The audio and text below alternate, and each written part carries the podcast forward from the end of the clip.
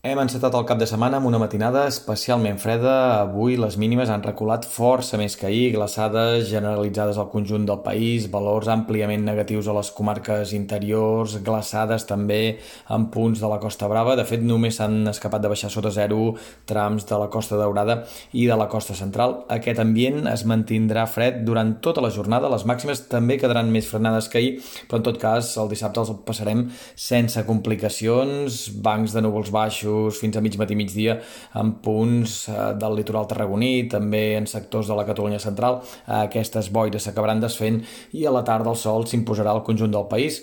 Per demà, més del mateix, continua la tranquil·litat, una matinada altre cop freda, potser al migdia un palet més agradable que el d'avui i aquest domini anticiclònic es traduirà en boires matinals, especialment cap a Osona, Bages, a la Noia, però en tot cas un diumenge fins i tot amb més sol que avui.